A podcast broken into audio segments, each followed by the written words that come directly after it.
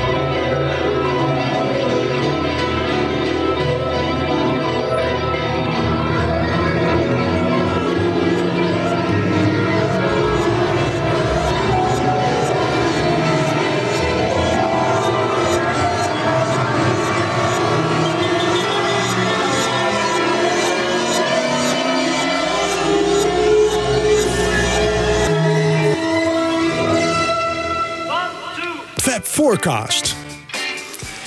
Ja, luisteraars, we zijn weer eh, in de studio met achter de knoppen. Wiebo. en zoals altijd. Michiel. En we hebben een speciale gast. Hallo, Edwin Wendt. Ja, want Edwin, jij gaat eh, binnenkort eh, twee hele mooie afleveringen met ons maken.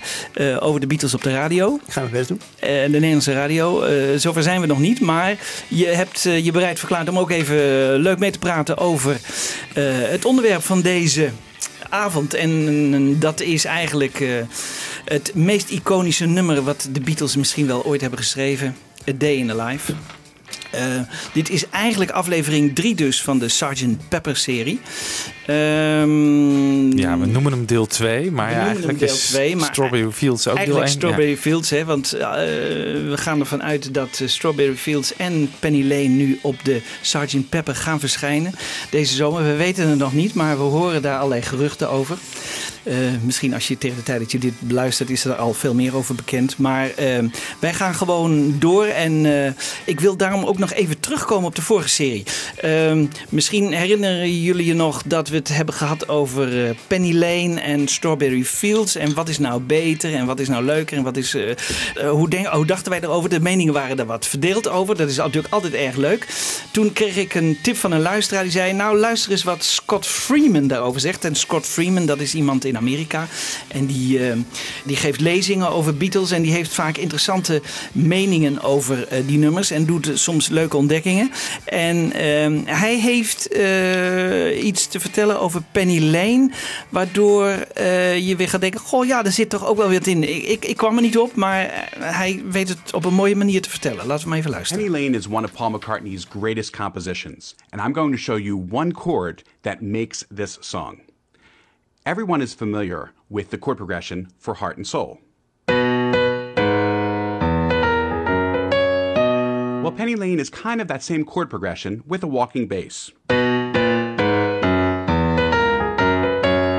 And Paul McCartney puts his rolling melody over top. Well, any other composer would have done this. Kind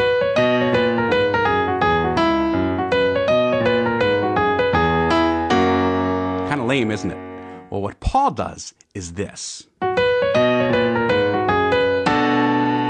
minor seventh chord, suddenly out of nowhere. Just like the song goes from sunny to rainy, from winter to summer, from reality to illusion, Paul takes us from B major suddenly to B minor and then follows it with a series of strange chords. We're not sure where he's going, but he brings us right back to the verse.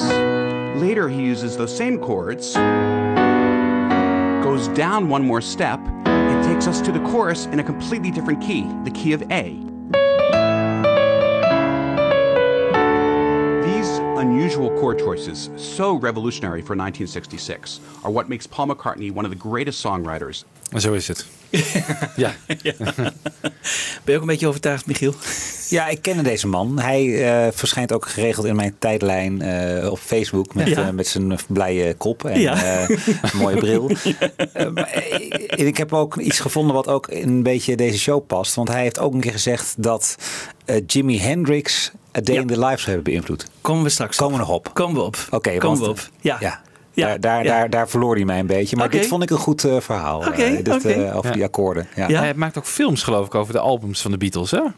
Dat hij een heel soort college geeft. Hij geeft, nee, hij geeft een soort lezingen. En met, met, Ja. met beelden. En eh, dat doet hij heel enthousiast. En, Ja, eh, maar volgens mij zijn die ook dus in bioscopen te zien. oh ja? In eh, Amerika. En theaters en zo. Hij heeft Oh, maar misschien een soort livestreaming of zo. Van, dat van hoe hij dat maar doet. Ja. Hij, dat doet hij wel heel leuk volgens mij. Ja, hij is wel enthousiast. Ja. Hij is wel enthousiast. Ja, ja Michiel gaat dus in, in beperkte mate met hem mee. Maar eh, Nou, oké, we kunnen straks. Ik vind het altijd leuk, dit soort benaderingen Ja, van de muziek. Gewoon eh, om te laten horen van wat, waarom raakt dat nummer je op een of andere manier. Ja. Dat Ja, is, eh, dat Ja. is dit akkoord inderdaad Ja. wel. Ja, Ja, dat- zeker. Dat hoor Ja. zeker. Wat vind jij, eh Penny Lane, eh, Strawberry Fields? wat, wat, wat, wat, als je ze met elkaar vergelijkt, wat, Ik heb wel dat Penny Lane eh, veel minder snel eh, verveelt. Eh, Strawberry Fields is inderdaad een nummer waar je zeg maar ingezogen wordt als het eenmaal bezig is. Ja. Eh, waarbij je bij het intro wel denkt van, hè, nee, niet weer. Ik heb dat nummer al 10.000 keer gehoord. Ja. Terwijl Penny Lane, anderhalve seconde is genoeg om er helemaal in te zitten. Ja. En wat deze man natuurlijk ook vertelt, dat juist eh, McCartney natuurlijk toch altijd degene is van de zonnige kant van de Beatles, Ja. toch juist in dit nummer ook weer even dat donkere akkoord Zeker. erin gooit. Waar hij typisch, Ja. kennelijk typisch Lennon-achtig ding doet. Ja. En daar Lennon dus helemaal niet voor nodig heeft. Nee, nee, allemaal op intuïtie. Dat is eigenlijk wel heel knap, hè? Nou, ik zei de vorige keer al, Penny Lane verveelt mij ietsje sneller dan eh, Strawberry Fields. Dus ik heb net het eh, tegenovergestelde wat jij hebt. Ja. Maar eh, allebei echt fantastisch natuurlijk. en je, we spraken net tijdens het pizza eten ook even over eh, dat Penny Lane en Strawberry Fields niet op Sgt. Pepper staan. Oh ja. En dat vond je, ik zei toen in die uitzending ook van ja, het is gewoon als single gewoon een mooi statement. Dus daar was jij het eh, Daar ben ik het helemaal mee eens, ja. Ja, Ja, gewoon als entiteit staat het gewoon op zichzelf. En ik denk dat het op Pepper misschien helemaal niet gepast had of zo. Nee, het was te sterk eigenlijk. Ja. We gaan nu naar eh Day in the Life. Je hebt dus twee hele sterke nummers. Hè? Dus, eh, we hebben gehad eh, Strawberry Fields en Penny Lane. En, en eh, nou ja, eh, When I'm 64 is een aardig nummer, maar niet heel bijzonder. Maar dan, dan komt dus echt het, het, vierde nummer, eh in the Life. En dat, dat wordt dan echt eh, he- het nummer van het album eigenlijk.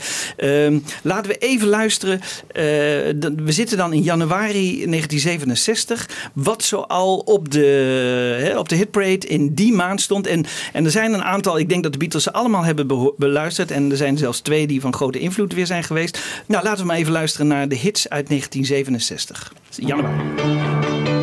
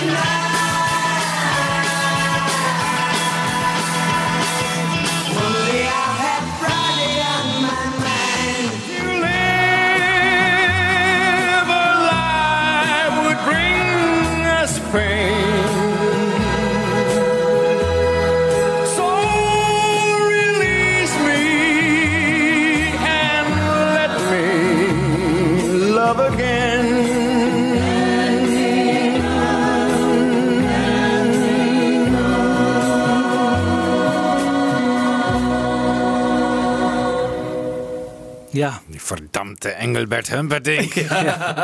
De nagel aan de doodskist van de Beatles eigenlijk. ja. Ja, woorden achterin volgens Let's Spend the Night Together hè, van de Stones. Die Stones die overigens eh, Mick Jagger, die later ook nog bij de sessies van eh Day in the Life zou komen. Eh, Green Green Grass of Home van Tom Jones. I'm a Believer van de Monkees. Ook Monkees zullen aanwezig zijn bij eh, Day in the Life. Ja. Ehm, hey Joe, Jimi Hendrix is van, ehm, volgens sommigen van invloed geweest op dit nummer.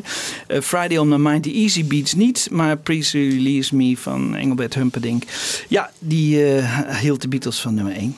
Als je dat dan hoort, dan zijn de Beatles toch ook wel weer qua geluid hun tijd weer ver vooruit. Nou hè? ja, als we het, zeker als we het nu over het volgende nummer gaan hebben, de Day in the Life, dat is zo anders dan. eh, Ja. hè, dat was natuurlijk geen single, maar het is wel totaal anders. Ja. Je hoort hier ook nog niks van psychedelische sounds of zo. Hè? Dit, is, eh, dit is nog een beetje weg. Ja, ik vind het zelf in Let's Spend the Night Together al wel een beetje zitten. Oh ja. In welke zin, hoe bedoel je het? Ja, en het het is niet echt eh, dat je zegt van ik hoor daar cita's in of dat. Nee. Maar het heeft wel eens een soort, eh, soort liefelijke sfeer die tot dan toe nog niet bij de Stones paste. Die echt Oké. eh, De achterkant van de single was natuurlijk ook Ruby Tuesday, hè? vergeet dat niet. Ja, oh ja, oh, dat was de Dus achterkant, dat ja. is natuurlijk wel echt Ja. een psychedelisch nummer. En dat Ja, is dat is dan waar. toch Ja. van voor. Ja, dus ze beginnen ook een beetje Ja. te komen. Ja. Sorry. Is die opgenomen na... Nou, het, het, het compenseert weer dat Ruby Tuesday gewoon gejat van de Beatles is. Dat, eh, dat, eh, Lijkt me duidelijk. Ja, natuurlijk. Ja, we hebben dus nu eh, Strawberry Fields gehad. Dat was het, Len- het Lennon-nummer, hè, waar hij toch eh, maanden aan gewerkt heeft. En dan krijgen we eh When I'm 64 en eh, Penny Lane. En Penny Lane, dus dat, die laatste twee waren echt Paul McCartney nummers. En dan zegt McCartney, die, die belt dan naar Lennon en die zegt van nou, nu moet jij weer eens met een nummer komen. Want ik heb, ben nu met twee gekomen. Nu moet jij. En, en hij weet elke keer als hij eh, Lennon onder druk zet, dan komt Lennon wel met iets. En eh, ze hadden op de 19e de studio gereserveerd. En rond de 15e, 16e belt eh, Lennon met, of belt McCartney met Lennon. Januari hebben we het nu over. En dan hebben we het allemaal over januari 1967. Ja. En ehm, nou, dan begint Lennon. eh, die wordt dan eh, op de 17e wakker, rond de middaguur. leest de krant door en ziet daar twee artikelen die hem eh, doen inspireren voor een nummer. En daar gaat hij een beetje mee componeren. Hij komt al een heel eind. Hij schrijft ook al een stuk van de tekst uit en gaat ermee naar Paul McCartney toe. Laten we even luisteren wat John Paul, George Martin over het ontstaan van A Day in the Life te vertellen hebben en waar de inspiratie vandaan kwam. Paul and I definitely working together, especially on Day in the Life. You know, we were doing it, you know, in his room with the piano. The way we wrote a lot of the time was you'd write the good bit, you know, that was easy, like I read the news today, boy, or whatever it was, or a trip or anything like that. And then when you got to stuck, you know, instead of carrying on, whenever it got hard, you just drop it, and then we'd meet each other, and I'd sing half, and and he'd be inspired to write the next bit, and vice versa.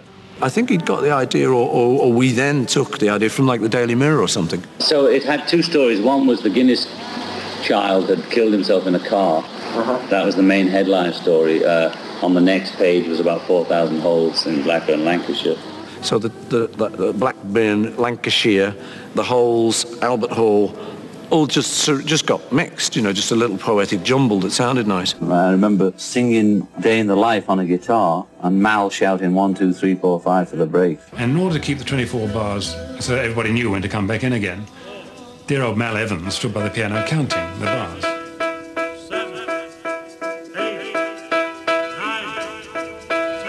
And just to add further weight to it, he set off an alarm clock at the end of it to, to trigger everybody back into it again.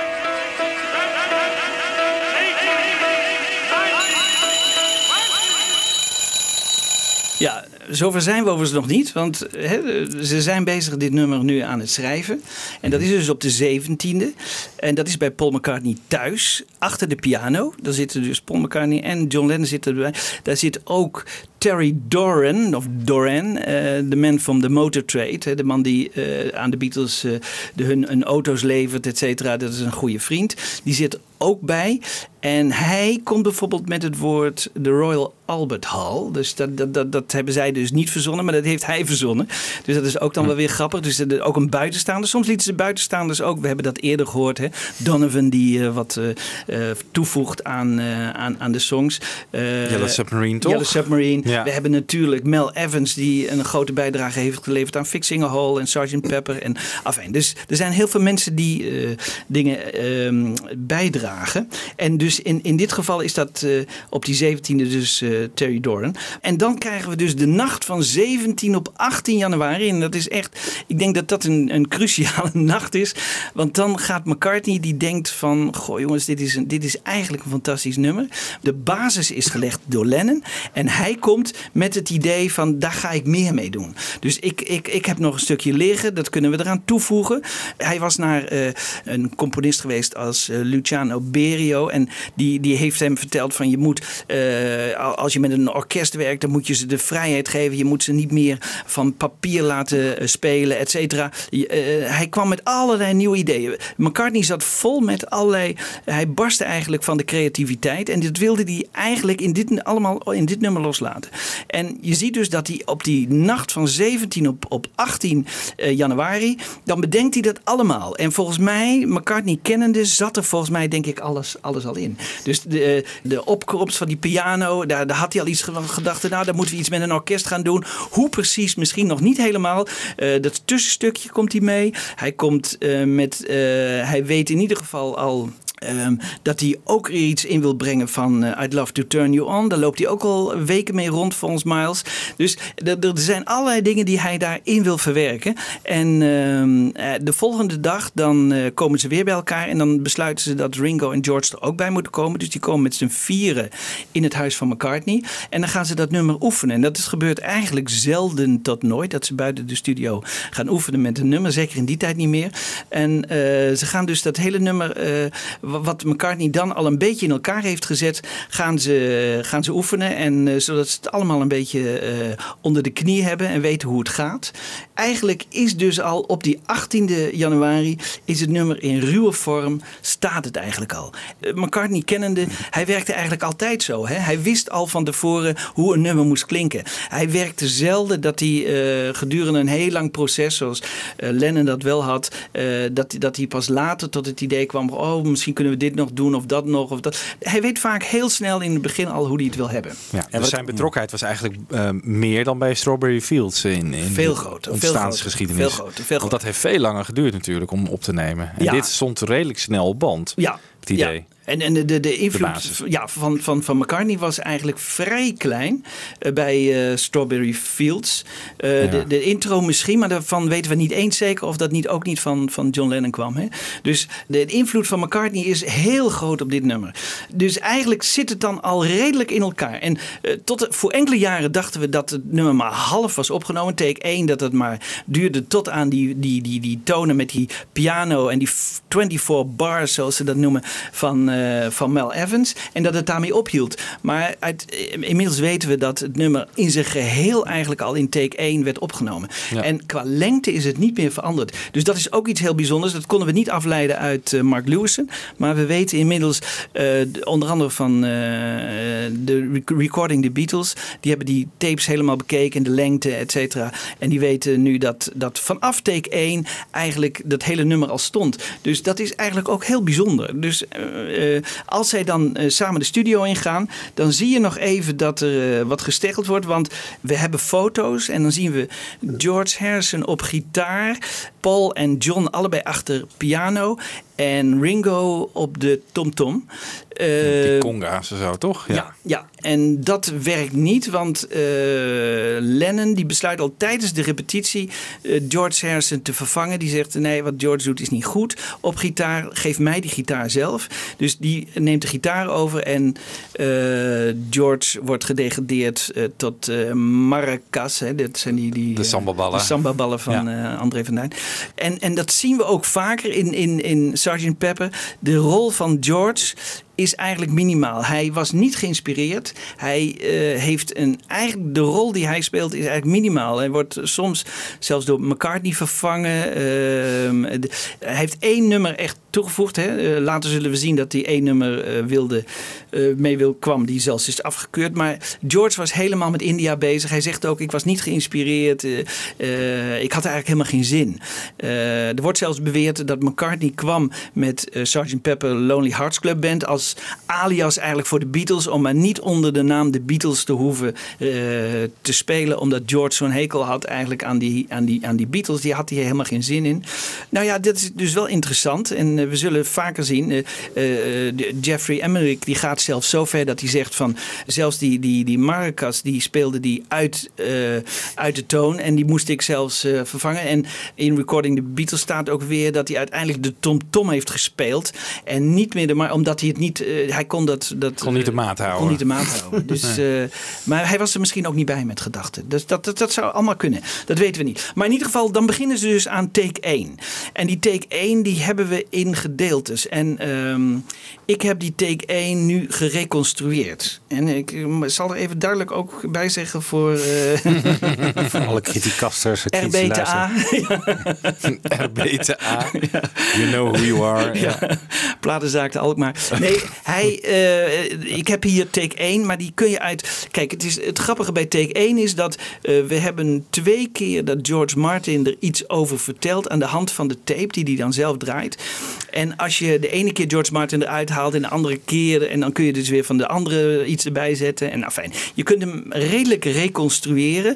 Eh, plus dat er nog een, andere tape is. Dus we- ik, ik kan het wel een beetje... Ik heb 5% moeten lenen van take 2. Take 2 is ook volledig onbekend, maar die wordt iets sneller gespeeld. Maar take 2 eh, heb ik dus alleen één stukje van eh, geleend. En zo heb ik een reconstructie gemaakt van take 1. En nu kunnen we dus ongeveer horen hoe dat heeft geklonken op die 19e eh, januari. Oké, vrij snel eh, na de, dat het nummer gecomponeerd is. ja, dit is eigenlijk razendsnel gegaan. Hè? Ja. Dus eh, op de 17e stond het allemaal in de krant.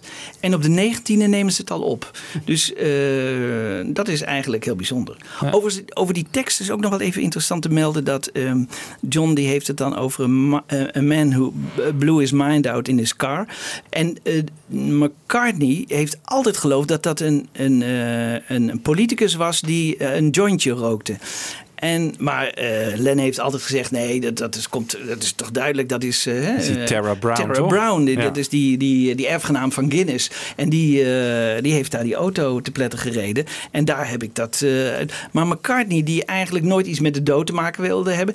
En een hele goede vriend was van Tara Brown. Hè? Want we moeten niet vergeten dat eh, McCartney eh, eind 66 of, of in 66 met de brommer in Liverpool met Tara Brown is gaan rijden. En daar eh, over de kop is gevlogen. En toen hij zijn, een stuk van zijn tand is kwijtgeraakt. Tara Brown heeft hem helemaal opgevangen en is met hem naar het ziekenhuis gegaan, et cetera. Die waren heel goed bevriend, die twee. Dus het moet voor McCartney een enorme klap zijn geweest dat die, die Tara Brown daar dood was. En, en dit was naar aanleiding van de lijkschouwing, geloof ik, dat er een maand later in de, in de Daily Mirror stond dat, eh, wat er allemaal precies was gebeurd. En, eh, en, en Lennon kende hem natuurlijk ook. En, eh, Ja, nou, didn't notice that the lights had changed. Ja. Dat was toch echt, ja, hij Ja. gewoon door het rood eh, Maar dat. McCartney nog Maar Lennon zegt dan van ik, ik, ik las het in de krant, maar ik ken hem ook persoonlijk. Dus, Hij kent hem ook persoonlijk ja. en daarom Ja. heeft dat waarschijnlijk extra eh, Ja. eh, indruk gemaakt. En daarom heeft hij dat artikel waarschijnlijk ook gelezen. Ja. het was een hele rijke, hij was 21 jaar en hij was heel rijk omdat hij natuurlijk die erfgenaam was van die Guinness. En hij op 26 jaar leeftijd zou hij, zou hij echt tientallen miljoenen krijgen, maar hij was al heel rijk. En eh, het zou kunnen zijn dat de Beatles eh, met hem bevriend waren omdat dit, dit was al een persoonlijkheid van zichzelf en die ging niet eh, om de bekendheid van de Beatles bevriend zijn met hen. Dus dit, dit was eigenlijk een, iemand die, die een soort self-made miljonair, die al op 17-jarige leeftijd twee kinderen had. Het is een heel, heel bijzonder leven van deze man. En die Lotus, die, die hebben we natuurlijk, daar hebben we plaatjes van die, die helemaal in elkaar eh zit eh, Ja. bij, bij, dat, bij, dat, bij dat ongeluk. Hij heeft eigenlijk geprobeerd zijn vriendin te redden door eh, tegen een andere auto aan te rijden, maar dat is hem zelf fataal geworden. Hij scheen ook 170 km per uur te rijden. Ja, ongelooflijk. Maar het was wel heel, s ochtends heel vroeg, geloof ik. Ja. Maar goed, dat, ja, dat praat natuurlijk niet goed. Maar het is. ehm, misschien kunnen we eens luisteren naar, naar wat de Beatles er dan van hebben gemaakt. Dus take 1. En. Lennon begint met. eh, oh ja, dat is ook wel aardig om te vertellen. George Martin vindt altijd zo leuk dat Lennon. Hè, die, ja, die begint niet met 1, 2, 3, maar met Sugar Plum Fairy. Dat vond hij altijd geweldig. Maar. Martin die eh, heeft daar toch een enkele jaren wel afstand van genomen. Eh, enkele jaren terug heeft hij verklaard: ja, het was zo. eh Sugar Plum Fairy, dat was eigenlijk het synoniem voor een dealer in harddrugs. En dat wist eh, op dat moment Martin niet. Maar Lennon wel, dus die vond het natuurlijk. dat was weer zo'n inside joke van Lennon. En. Martin heeft jarenlang. eh, Ik dacht dat het over een of andere sprookjesfiguur ging. Ja, ja. Zoiets, ja. ja. En, eh, ja, ja, en en we hebben natuurlijk die 24 bars, die dan hè, de, de, de, de, dat aftellen van, eh, van Mel Evans. Je, je ziet ook weer dat, eh, dat, dat Jeff Emmerich eh, ook weer een fout maakt in zijn boek. Die zegt, ja, eh, McCartney wilde dat twee keer achter elkaar. Dus in het begin van het nummer en later aan het eind van het nummer. Toen heb ik maar het eerste gedeelte gewoon gekopieerd in het tweede gedeelte. Maar dat blijkt dus helemaal niet zo te zijn. Want als we, nu, als we deze versie horen, dan horen we echt dat er een verschil is tussen de eerste 24 bars en de tweede 24 bars. En dat ze bij de tweede, dan wordt het ook echt een soort kakofonie met zelfs fluitjes en allerlei dingen. Nou, het is wel eh, grappig om te horen. Dus eigenlijk eh, een première van eh, take 1 van A Day in the Life. Wat toen nog heette... In the Life of. In the Life of. Have the mic on the piano quite low. There's just keeping it like maracas, you know. You know those old pianos.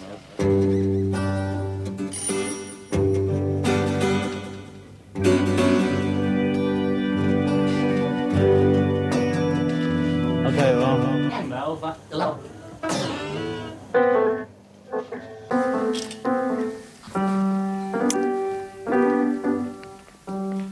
Sugar Bum Fairy, Sugar Bum Fairy.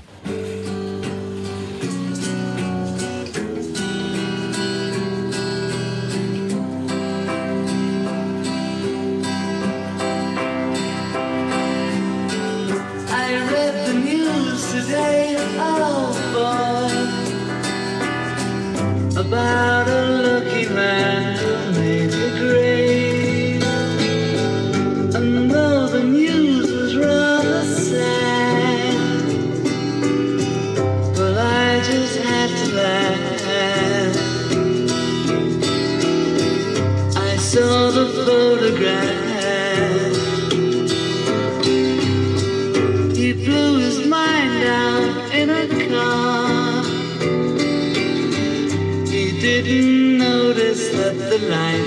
A crowd of people stood and stared. They'd seen his face before.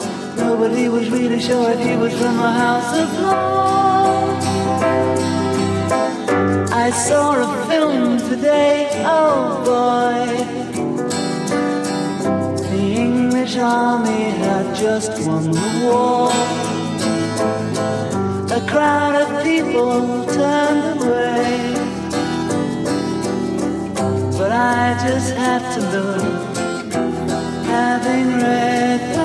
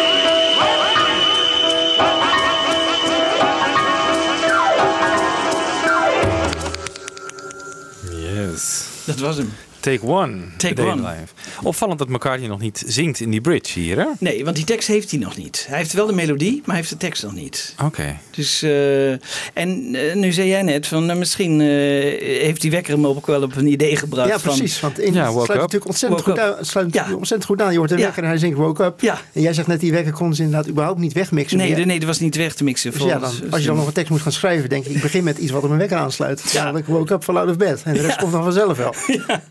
Ja. Cone because my head. Ja, Ja. niet kennende, schrijft hij, dat zo uit zijn mouw. Ja, ja. Ik heb ook ergens gelezen dat die wekker nodig was ook. Want stel dat er een orkest was en eh, je- de dirigent, eh, of dat nou Martin was of eh, McCartney, moest eh, dat horen wanneer ze op een hoogtepunt waren. Wanneer het einde was. En als dat te zacht was, dan zou hij dat niet kunnen horen. Dus hij moest een duidelijk signaal hebben van wanneer dat was. En, eh, en, en soms, sommigen wordt gezegd, ja dat was een wekker die stond daar altijd al, eh, zegt Mark Lewis. En, en anderen zeggen weer nee, het is speciaal daarvoor eh, naar de studio eh, gehaald. Je ziet ook dat, hij, dat ze eventjes oefenen nog. In, aan het begin nog even die, die wekker eventjes laten klinken. Take 2 klinkt eigenlijk bijna net zo. Gaat iets sneller. Take 2 gaat iets sneller. Eh, take 3 is een valse start. En take 4 wordt gezien als de beste. Dus dan hebben ze op vier sporen hebben ze van alles staan. Eh, ik heb eh, die hele take 4 niet, maar de BBC heeft die beluisterd. En die heeft even verteld hoe dat dan gaat. Want dan gaan ze van take 4 gaan ze een take 6 maken op minder sporen. En hoe ze dat doen, dat vertelt de BBC nu even. On the original backing track, Paul played grand piano, with John playing acoustic guitar, George with maracas, and Ringo on congas. Everything was recorded onto one track. So let's have a listen to that. The slight bleed you can hear is from John's live vocal.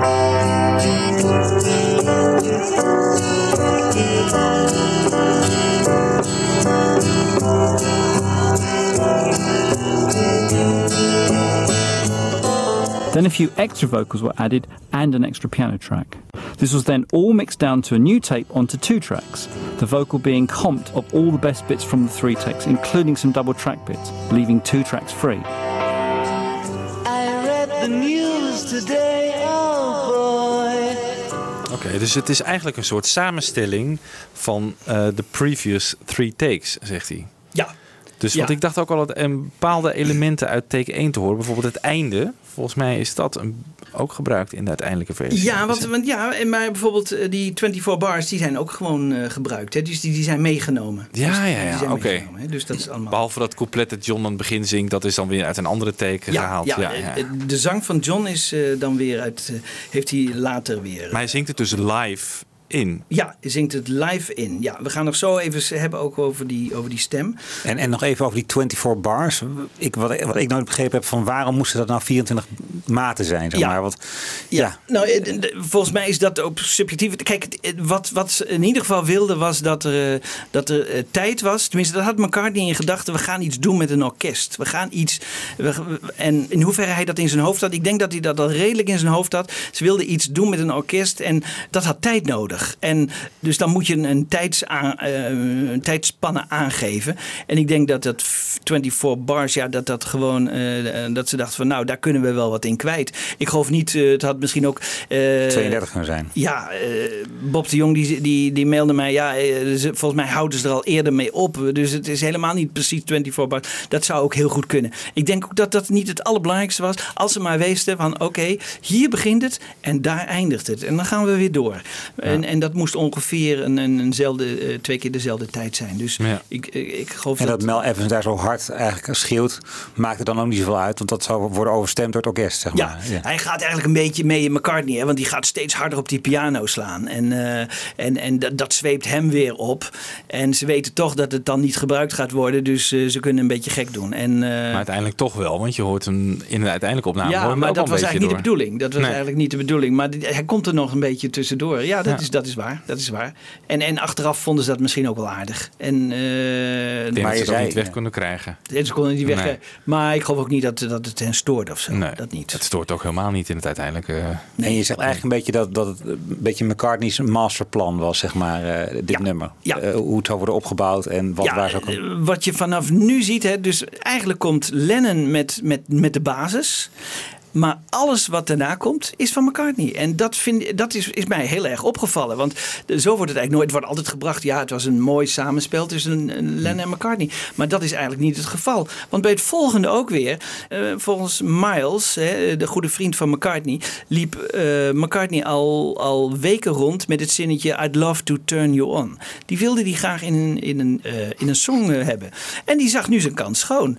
Dus, maar McCartney doet het alsof ze samen hè, zaten te pillen op de, pia, op, de, op de gitaar en ze elkaar... Dat kan best zijn dat ze elkaar aankeken. Maar eh, het was wel een vooropgezet plan van McCartney. Die wist van tevoren al, ik wil dat er graag in hebben.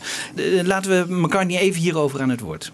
The moment I remember best outside of, uh, say, him bringing the song, it was obviously a gorgeous song when he brought it. And I say I was a big fan of John's. You've got to remember that, you know. It wouldn't just be, oh, yes, professional person will write this. It'd be like, oh, yeah, I can't wait to get my hands on this. And we'd, we'd, I'd learn the chords off him and we'd develop it. Um, but the moment I remember was when um, we got to a little bit that he didn't have, where we sort of said, I'd love to turn you on.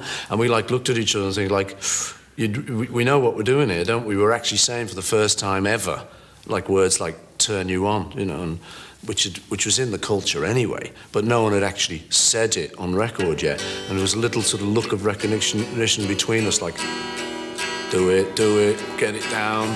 I'd love to turn you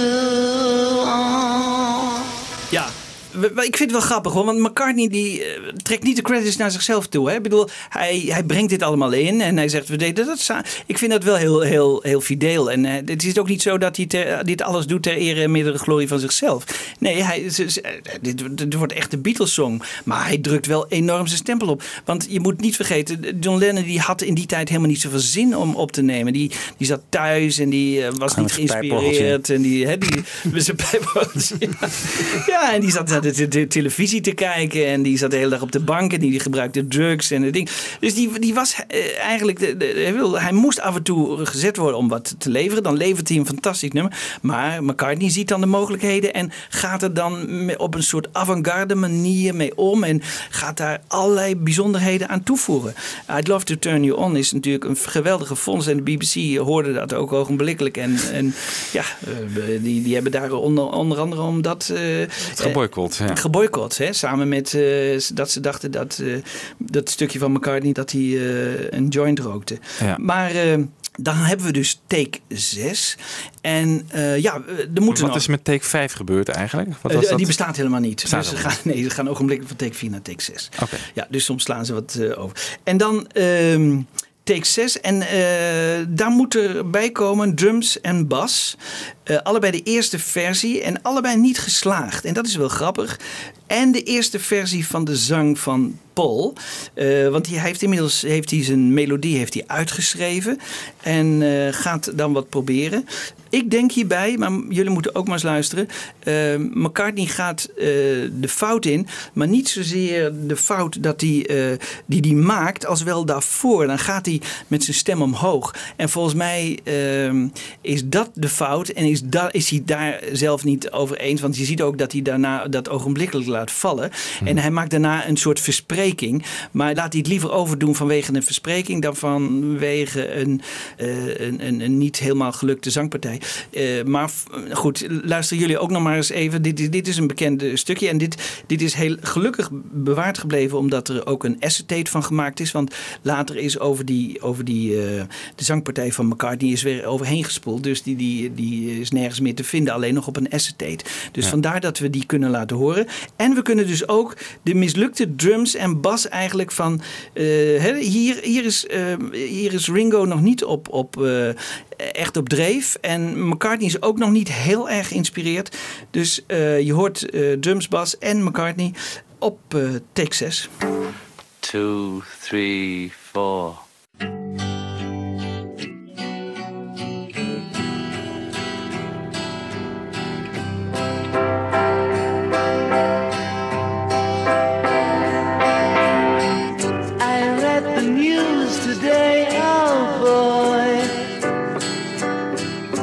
About a lucky man who made the grade.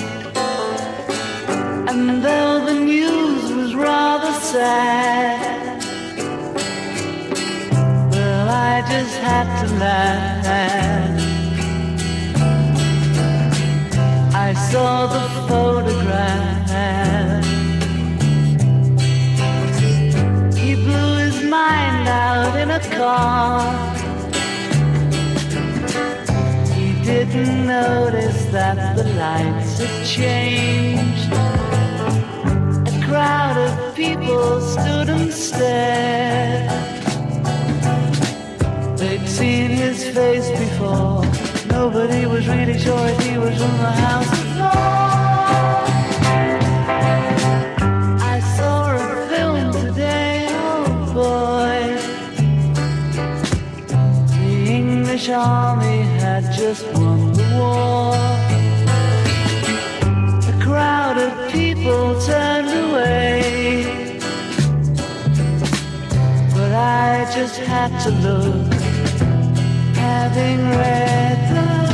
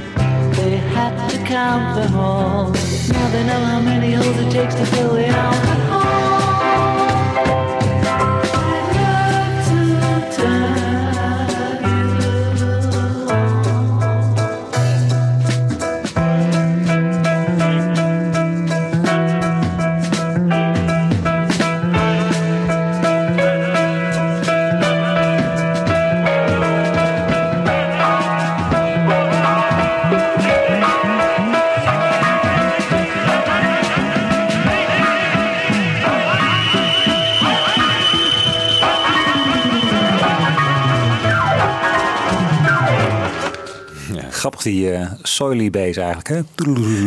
Ja. Zelfde bas. Ja. dat is waar. Ja, wat grappig. Sowieso grappig die baspartijen van McCartney, eh, die je nu echt heel mooi helder hoort. Eh, Ja. Vooral ook hoe die ja, in aanloop naar zijn eigen stukje zo'n heel... Ik had echt dat ritme erin. eh. Ja, ja. Ja het, het zit er al in, maar hij doet het nog beter als het echt... eh, En Ringo ook. Tenminste, die, het lijkt net alsof hij zijn drums aan het klaarzetten is. Of zo.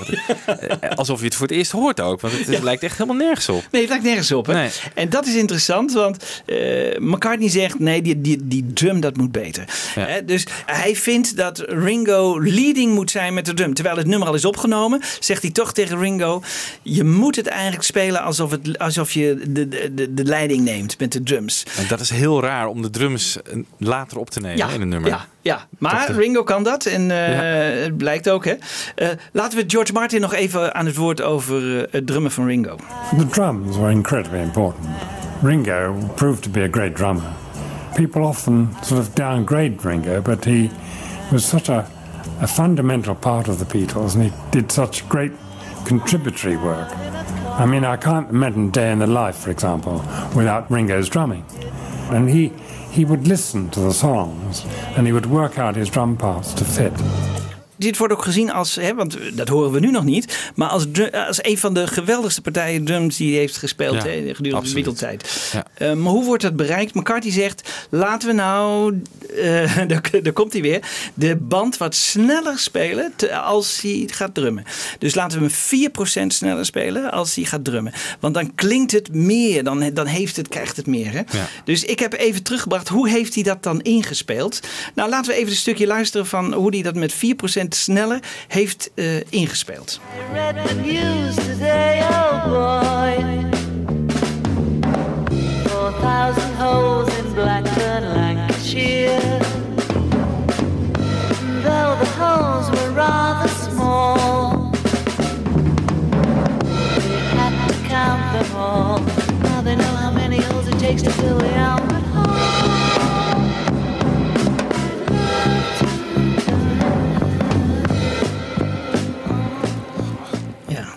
Dus zo heeft Ringo het ingespeeld. Grappig, ja, dat ik helemaal niet. Ja. En, en als je het dan weer op normale snelheid, dan krijgt die drum krijgt veel meer. Hè? Dat is echt eh, dat is fantastisch. Krijgt Die- het meer laag. Want dat, dat hadden ze natuurlijk eerder ontdekt. Ik geloof bij Rain onder andere. Dan, dan krijgt het een geweldig Bij Rain effect. precies hetzelfde inderdaad. Dat hebben ze ook versneld eh, Ja. of sneller ingespeeld en Snel- het is langzamer En op de langzaam, en dan krijgt het fantastisch. Ja. Krijgt Want het is gewoon veel moeilijker om het zo langzaam te spelen. Dat is, dat is Ja, wat dat is al begrepen heeft. Ja, ja. Ja. Ja. dat, is, oh, dat, is een, ja, dat zal het natuurlijk zijn. Dat zal het zijn. Ja, dat is interessant. Het is moeilijker om precies dan in de maat te vallen als het langzamer is. Als Ja. het sneller is. Dat, dat is ja. ja. Ja. Ja. Jij weet het natuurlijk ook. Ja, ik drum ook wel natuurlijk. Dus ook, dat, ja, dat dus is wel zo. ballads zijn veel moeilijker te drummen dan gewoon een lekker Ja. tempo rock'n'roll nummer. Ja.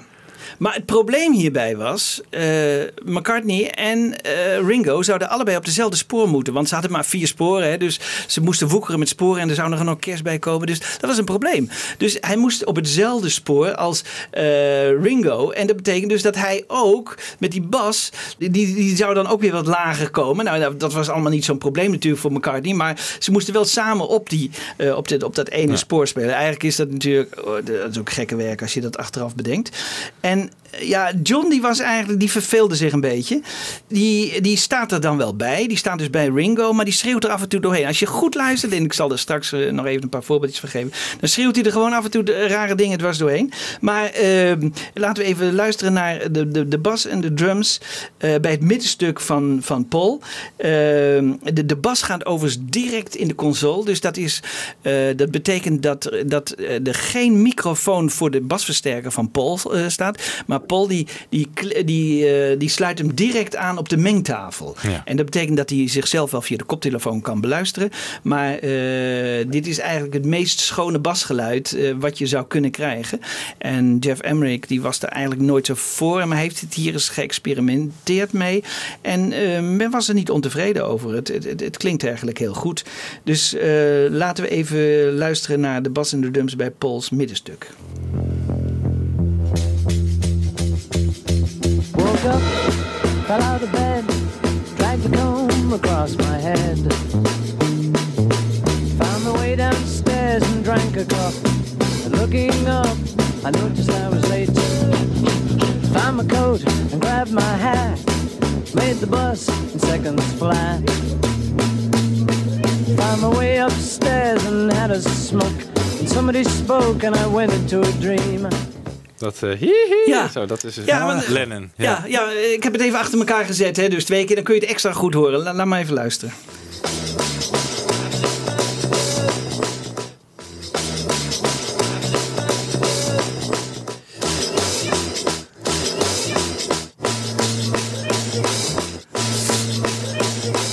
Ja. Ja. Ja, hij, ik weet niet wat dit is. Want, eh, of het is enthousiasme of het is verveling. eh, Maar eh, hij doet het ook door de voice-over van McCartney. Hè? Als McCartney dus uiteindelijk dat, dat, dat middenstuk gaat, gaat, Zingen. Ja, gaat zingen. Dan Eh, zit hij er ook weer doorheen. Dan zit hij er ook weer overheen. Ja, ja, ja. En, en, en laten we elkaar niet ook nog even de- over, over dat middenstuk zelf even iets vertellen. En dan horen we hoe hij het heeft ingezongen, inclusief eh, het geheig en de, de, de ontregeling van Lennon daardoorheen. It was mainly a John song, and he had the uh, I read the news today, oh boy, and he'd taken a lot of it from a newspaper, and then I had another bit. Um, woke up, fell out of bed, dragged a comb across my head. That was a little bit I had. It wasn't doing anything. And so we thought, well, that'd be good. We could put that in the middle, and we got the concept of sort of building it a little bit like a sort of mini operetta. One, two, one, two. Woke up, fell out of bed, dragged a comb across my head. Found my way downstairs and drank a cup. Then looking up, I noticed I was late. Found my coat and grabbed my hat. Made the bus in seconds flat. Found my way upstairs and had a smoke. And somebody spoke and I went into a dream. Ja, je hoort hem weer inderdaad. Je hoort hem weer eh, er doorheen, hè? Maar op zich eh, leidde dat ook weer tot inspiratie bij McCartney. Want een paar weken later gebruikte hij dat gewoon in een van zijn eh, songs. Nou,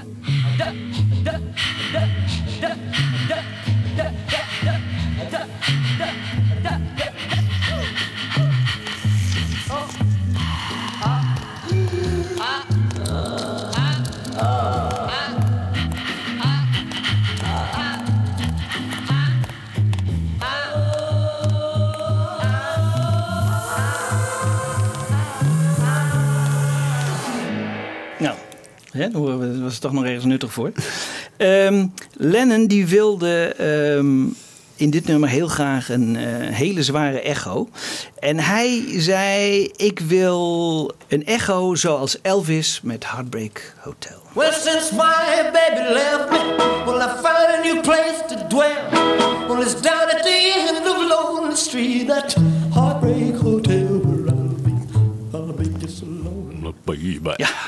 Ja. Ehm, nou ja, eh, het is ook een soort echo geworden. Eh, dit was voor het eerst een mechanische echo. Dat betekent eh, dat, dat die via de band liep. Dus je hebt een opnamekop en je hebt een weergavekop. En als je Lennon dus door de opnamekop heen stuurt en even later door de weergave... en je zet hem weer terug naar de opname, weer terug naar de weergave... en iedere keer iets zachter, dan krijg je ook een soort galm daarachter. En dat, dat, want daarvoor gebruikten ze een galmkamer. En dat betekent, er was gewoon een soort eh, badkamerachtige ruimte in, eh, in Ja. de EMI-studio's. En daar stond aan de ene kant stond er een grote speaker... en aan de andere kant stond er een microfoon. En dan werd de stem van Lennon gewoon in die, in die galmkamer weergegeven. En dan werd hij weer teruggebracht naar de naar de Maar, maar Elvis is daarmee begonnen dus. Want we hebben hier een- even een, een, een Elvis-auteur aan tafel. Dat eh moet je niet vergeten. Dus, eh, klopt dat? Eh, dat klopt. Hij heeft ja, boeken geschreven over Elvis. Dus, Ja, eh, niet zozeer Elvis zelf, maar eh, het Sun Label waar Elvis is begonnen. Dat eh, de baas daarvan, Sam Phillips, eh, die had inderdaad een, eh, een manier bedacht om eh, een galm te creëren. die specifiek van Sun was en die eigenlijk anderen ook nooit hebben weten te reconstrueren. Elvis zelf, eh, toen hij bij eh RCA kwam en eh, voor het gro- grote geld werd gekozen door zijn manager, hebben ze inderdaad alles gedaan om het geluid terug te krijgen. en dat lukte daar niet. Net zoals Johnny Cash, die ook bij Sun begon en later eh, door Columbia werd weggekocht. Ook de rest van zijn carrière is bezig geweest om dat Sun-geluid terug te krijgen. Dat lukte gewoon niet, want ze zaten niet bij Sun. Bij Sun. En daar kon het en ergens anders niet. In die studio In die specifiek. studio. Het was Ja. specifiek een geheim van die studio. En Sam Phillips wist, wist dan natuurlijk het geheim van die studio. Maar was natuurlijk niet zo gek om dat geheim door, door te geven.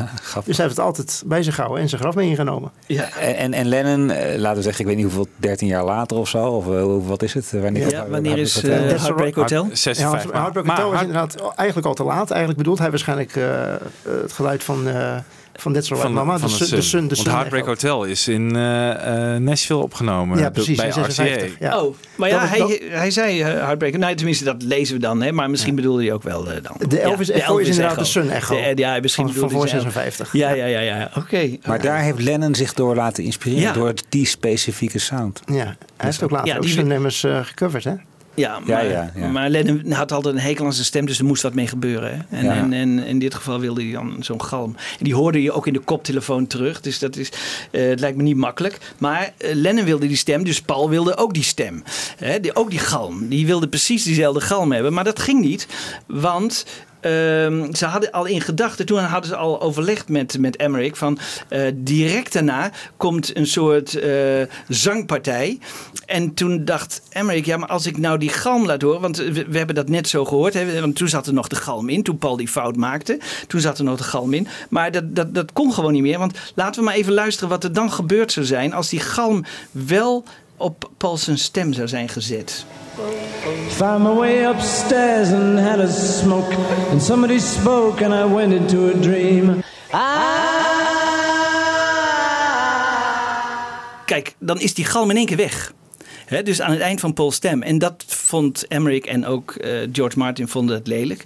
Dus dat moest heel voorzichtig aan Paul medegedeeld worden. Dat is Mm. ook wel grappig. Hè? Dat, eh, dat, eh, komt Want in het uiteindelijke is het heel dof, klinkt het, hè? Ja, Paul's en stem. toen hebben ze besloten om, om die stem zonder galm te laten klinken. Maar ook nog eens een keer dof. Want dat vonden ze dan wel goed eh, klinken bij iemand die net is opgestaan. Ja. Dus een beetje de dofachtige stem. Dus dat, daar, daar hebben ze toen eh, voor gekozen. Ik heb zelf trouwens als onwetende luisteraar altijd juist ervaren dat het zo mooi was door die, die hele droge Lennon-stem eh, of eh McCartney-stem. Ja. En dan ineens weer die galm van Ja. Lennon erachteraan. Ja, dat contrast is Ja. Ja. maar het was Ja. dus gewoon omdat het moest. Hè? Tenminste, dat schrijft Jeff Emmerich. Hè? Want die twee dingen werden afzonderlijk opgenomen.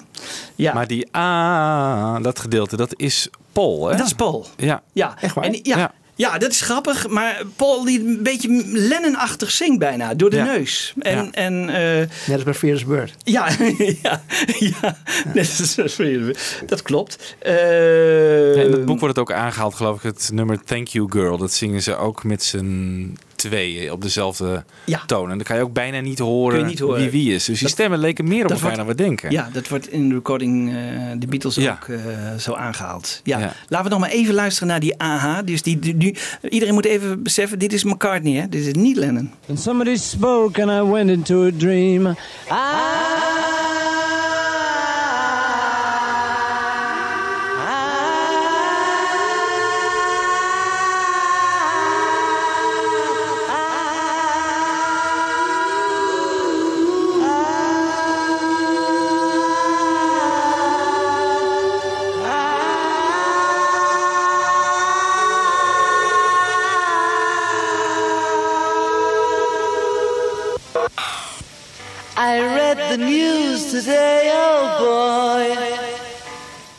ook weer grappig, hè? Dus je, je hoort daarna hè, de- hoe, hoe, hoe, die, hoe dat wordt afgekapt en wat, wat voor rare eh, geluidslassen die hebben ze overigens weggehaald.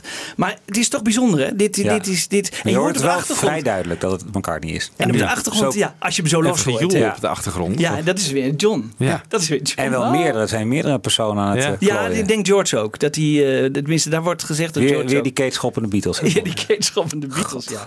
ja. Ja, maar eh, McCartney heeft dit, die, die vond dit zo goed klinken eigenlijk. Die vond het eigenlijk zo leuk. Dat hij het ook een paar weken later weer opnieuw heeft gebruikt. Ook had ik gedacht dat het Lennon was. Oh ja? Ja? ja. ja. ja. Ja, dit is ook eh McCartney, ja. Nou ja, dus en dan eigenlijk wat, heel interessant, wat daar direct daarna verschijnt, een stukje orkest. Laten we nog één keer luisteren naar die AH en dan het orkest. Somebody spoke and I went into a dream. I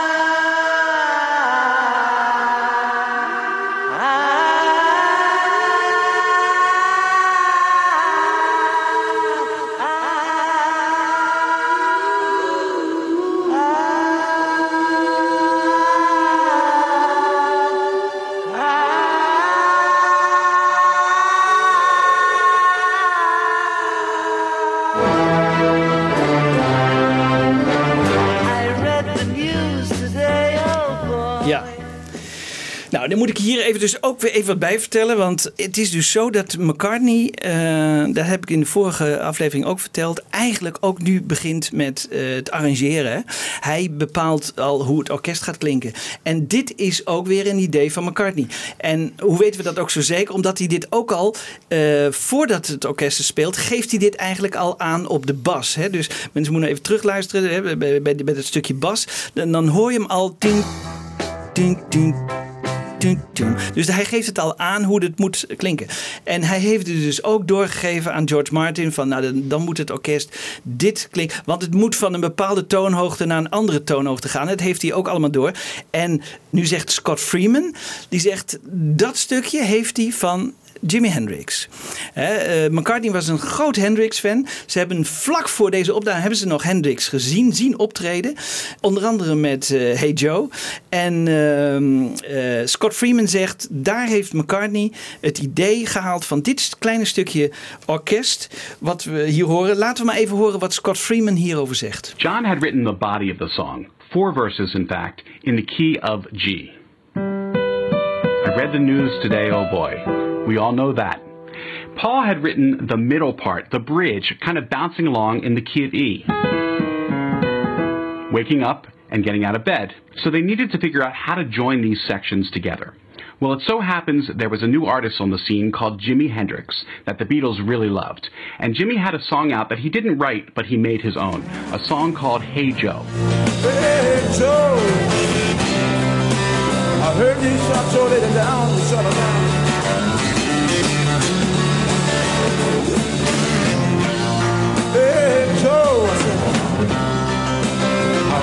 Down, shut down.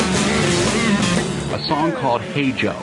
Hey Joe has what music theorists like to call a quadruple plagal cadence, a cadence where you move down four notes four times in a row. It sounds like this.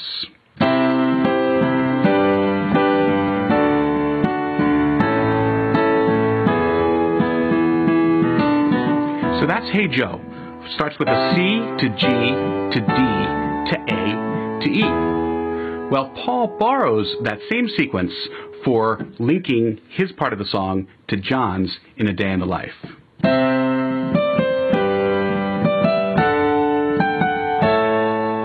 And then and back to John's section in G. And so that's how John and Paul wrote A Day in the Life with a little help from Jimi Hendrix. Ja, het is inderdaad hetzelfde akkoordenschema. Ja. Ja.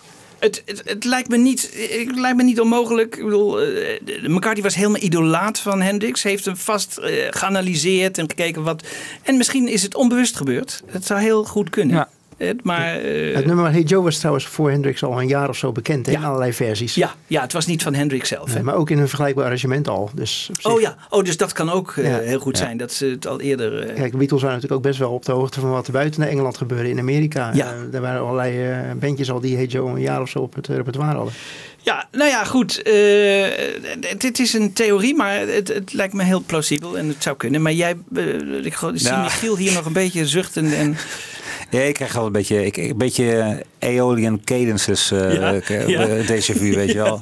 Als je het helemaal muzikologisch doorredeneert, dan krijg je, zie je vast overeenkomsten tussen nummers die. Uh, maar het lijkt me echt zeer sterk dat McCartney zo, zo'n oplossing nodig zou hebben, überhaupt. Om, om, nou ja, hij moest wel van de een naar de ander. Ja, goed, dat doet hij He? toch gewoon. Met, hij is het grootste ja, die, die, ja. die, die op de aarde rondloopt op dat moment. Dus hij, dat was echt voor hem een, een eitje, denk ik. Maar goed, okay. ik, ik kan het ook niet bewijzen. Dus, nou, hij heeft deze oplossing gevonden, inderdaad. En ja, op zich, maar, ja, ja, ja, het, feit, ja. het feit dat je Hendrix kent en dat dan uit de Hendrix kan halen voor deze oplossing is natuurlijk wel al op zich geniaal. Ja, en, en ik vind McCartney ook namelijk het type voor om dat, om dat wel op zijn minst een keer gezegd te hebben. Ja, maar misschien weet hij het ook niet natuurlijk. Heeft hij het nee. onbewust gedaan. Maar ja, ja, goed. Het is...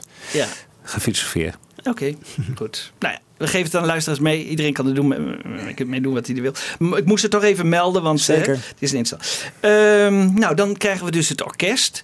Hè, wat die, die, die, dat stuk wat leeggelaten is. Want even voor mijn overzicht, hè, het, het aantal sporen. Je hebt er gewoon vier sporen recorders ja. in die tijd. Ja.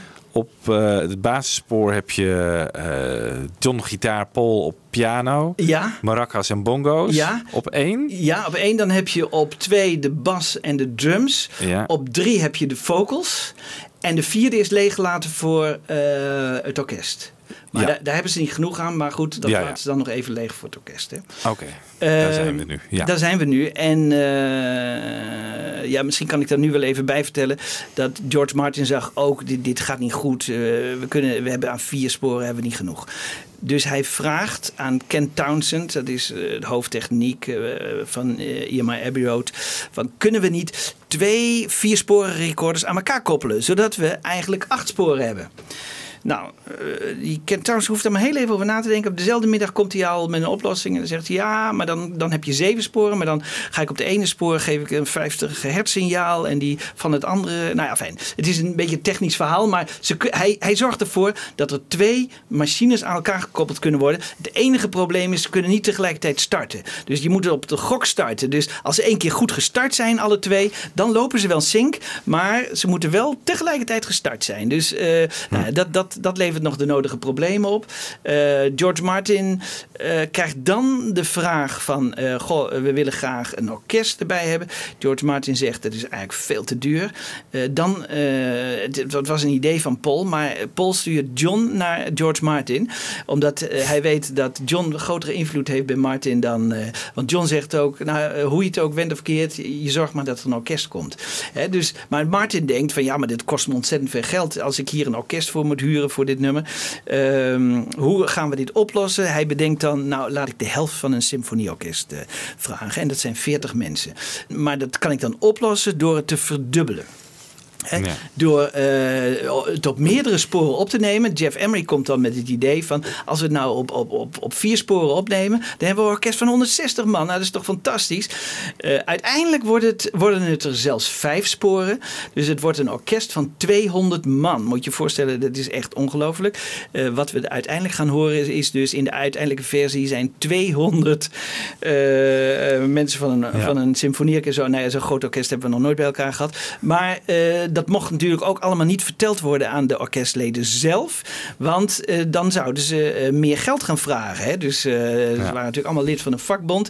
En als je. eh, dus ze hebben iedere keer gezegd tegen dat orkest: speel het nog even een keer in. We hebben het nog niet goed. Ja, Dan nog een hè? keer in. Dus ze hebben het vijf keer. En laten ze niks tegen hun Ja, gezegd. ja, ja. Goed. Maar laten we George Martin even aan het woord over het orkest. wat dan op dat, op dat stukje leeg, eh, twee keer leeg moest komen. We connected them with a series of empty bars on either side of Paul's sec- section before we came back into John's as a reprise.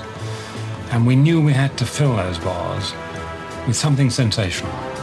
They told me they wanted an orchestral climax to fill these empty bars, a giant orgasm of sound, rising from nothing at all to the most incredible noise.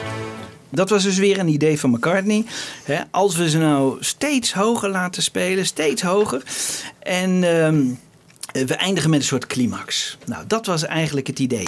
Maar, zei Martin, ja, eh, eh, maar dat kunnen we niet allemaal uit gaan schrijven. Nee, zegt McCartney, ze moeten gewoon vanaf het eerste teken van mij of van jou...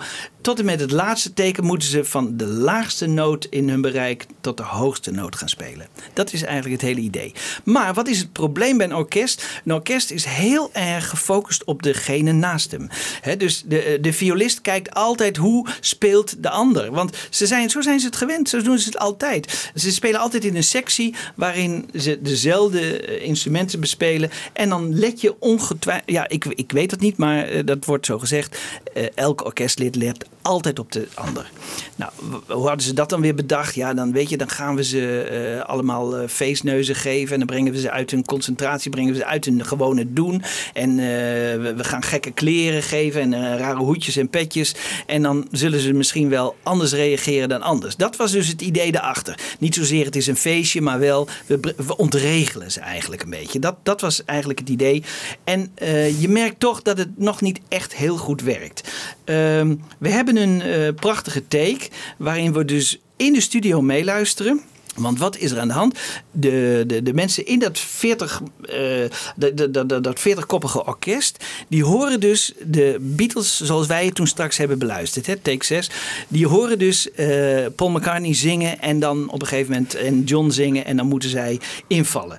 Eh, als het woord Turn You On, eh, op, op dat teken geeft Paul of George Martin geeft het teken van nu moeten jullie beginnen. En dan gaan ze langzaam omhoog en dan tot het eh, eindsignaal. En dan, dan moeten ze een hoogste eh, noot hebben bereikt. Nou, ehm, wij hebben nu even een stukje en dat is heel interessant om te horen. We staan eigenlijk in de studio en we horen wat de orkestleden ook horen over de speakers.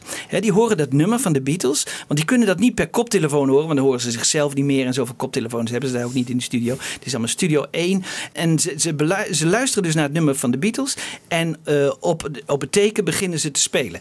En eh, wij luisteren mee met het orkest en dit is één van de vijf. En eh, je hoort hier ook dat het orkest een beetje pompend omhoog komt. Het is ju, ju, ju. En dat valt weg als je als ze alle vijf hè, bij elkaar plaatst. Dan wordt het één kakofonie van, van muziek. Maar als je ze los beluistert, dan hoor je gewoon nog hoe ze gewend zijn om samen die noten omhoog te spelen. Nou, laten we maar even een stukje luisteren van eh, het orkest in, eh, in Studio 1. Crowded people turned away. But I just had to look, having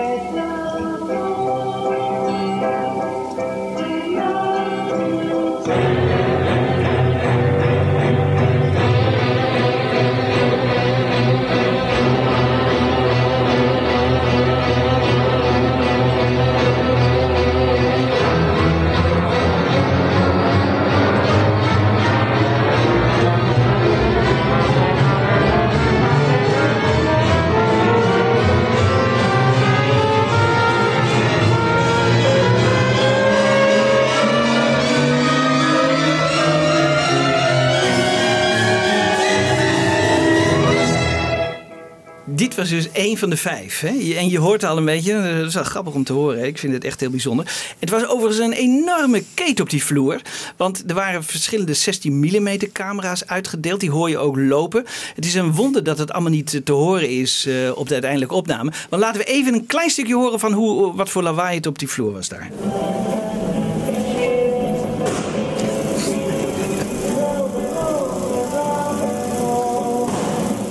Ja.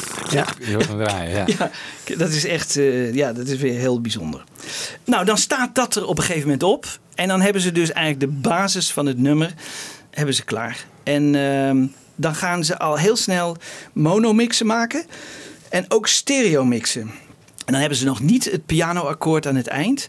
Maar dan maken ze al wel mixen. En dat is, dat is al heel moeilijk. En laat ik even, eh, bijvoorbeeld, ze hebben 12 remixen, maar we hebben 9. Nou, laat me even horen van hoe dat allemaal toegaat daar in die, in die controlekamer. eh.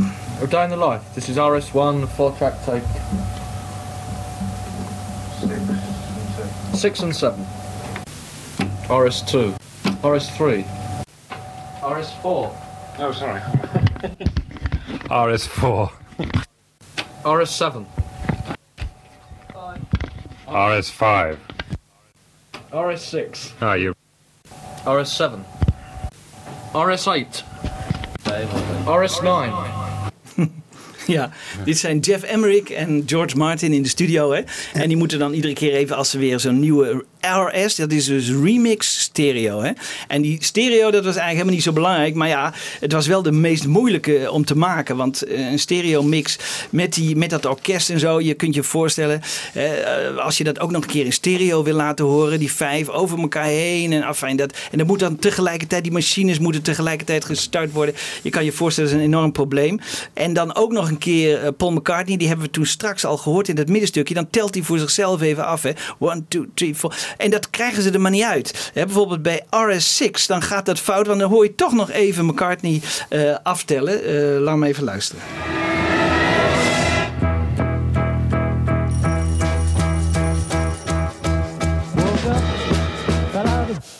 One hoor je. Ja, one. En dan, eh, dus, nou ja, dat is dan fout. Hè? Dus hier stoppen ze al. Want eh, Ja. dan moet het hele zaakje moet weer opnieuw.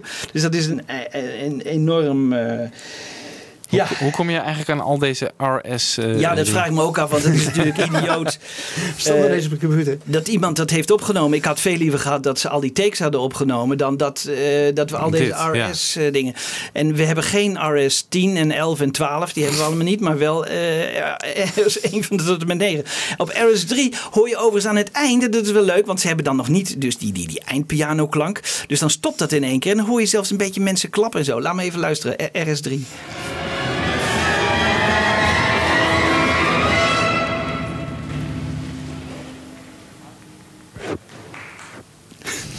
Je hoort nog even. Daar, daar hebben dus waarschijnlijk mensen geklapt. Want er waren heel veel mensen aanwezig. Hè? Ja. Eh, Mick Jagger was er. En die, eh, van de Monkeys. En eh, Graham Nash. En noem maar op. En eh Marianne Faithfull. En al die mensen waren allemaal aanwezig. En die, die hebben waarschijnlijk geklapt. Omdat ze het allemaal zo mooi vonden. Ja. Daar zijn die filmbeelden natuurlijk ook van. En daar zijn de hè? filmbeelden Ja. ook van. Daar zijn de Ja. filmbeelden ook van. Ja, ja. Overigens op die dag, hè, dus als die, dat orkest wordt opgenomen, dan vragen eh, Lennon en McCartney of er een groepje van mensen, waaronder eh, Mick Jagger en eh, ik geloof Mickey Dolenz en afijn, er zijn een aantal mensen, of ze er even langer willen blijven, want ze moeten nog iets opnemen, het, het neurien. En dat is de bedoeling. En, en dan krijgen we een groepje van 15 man onder leiding van Klaus Vormen. En John en Paul zitten boven in de, in de controlekamer. En dat is dan in studio 2. En, en zij vragen van eh neurie even, E majeur, eh, zolang als je kan. Nou ja, dat, dat gaat niet, het gaat zes, zeven, acht keer mis. Maar de negende keer gaat het goed, want ze moeten natuurlijk allemaal lachen. Maar dan houden ze het zo lang mogelijk vol. Want eigenlijk willen ze dus aan het eind, dat is eigenlijk de bedoeling, een neuriënd slotakkoord. Laten we maar even luisteren.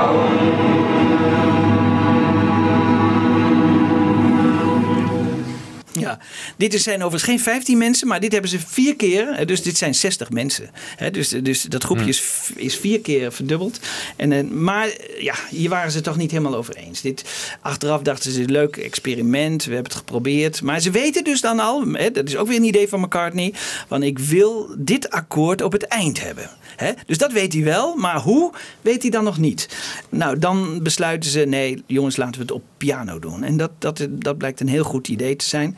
En eh, dan gaan ze dus eh, met z'n allen op één avond eh, achter de vleugel zitten. En het mooie is, we hebben drie vleugels en één harmonium. En nee, twee vleugels, één piano en één harmonium. En die zijn allemaal tegelijkertijd, het harmonium niet, maar de drie vleugels of de drie piano's zijn wel alle drie tegelijkertijd opgenomen. Maar we hebben ze ook los. En dat is natuurlijk prachtig. Dus John op de Steinway vleugel, laat me even horen. Two, three.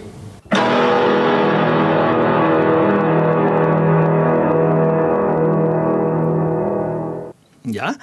En dan heeft Paul heeft een hele bijzondere vleugel gevonden van Berenboim. Dat is een eh, pianist en een, een, een dirigent. En die, eh, die heeft een eigen vleugel daar staan. En er mag eigenlijk niemand op komen. maar hij weet het toch zover te krijgen dat de mensen die er een sleutel van hebben, dat hij erop mag spelen. Dus hij speelt op de vleugel van Berenboim. One, two, three.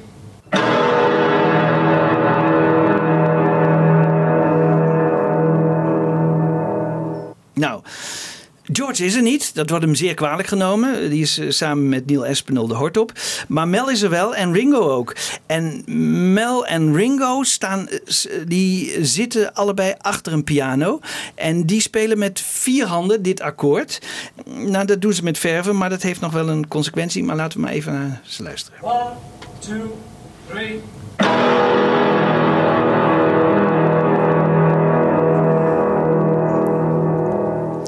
Ja, want bij hier gaat het, eh, het verhaal dat, dat, dat op het eind eh, Ringo's krukje kraakt. En dat hij degene is die zorgt dat hier een. eh, nou, Ringo ontkent het altijd. Dan zou het Mel Evans moeten zijn. Laten we even zeggen. laten, we, eh, laten we Ringo maar even over aan het woord. The last chord there at the end of Pepper took three pianos and three people playing them, of course. So that's three people, three pianos, and six hands. With our producer George Martin on harmonium. And I was playing piano, just thought I'd get that in. For all of you without stopwatches, the chord lasts just over 42 seconds. We all had to sit very quietly while it rang out. If you listen carefully, you can hear someone's chair squeak right at the end. It wasn't me, folks.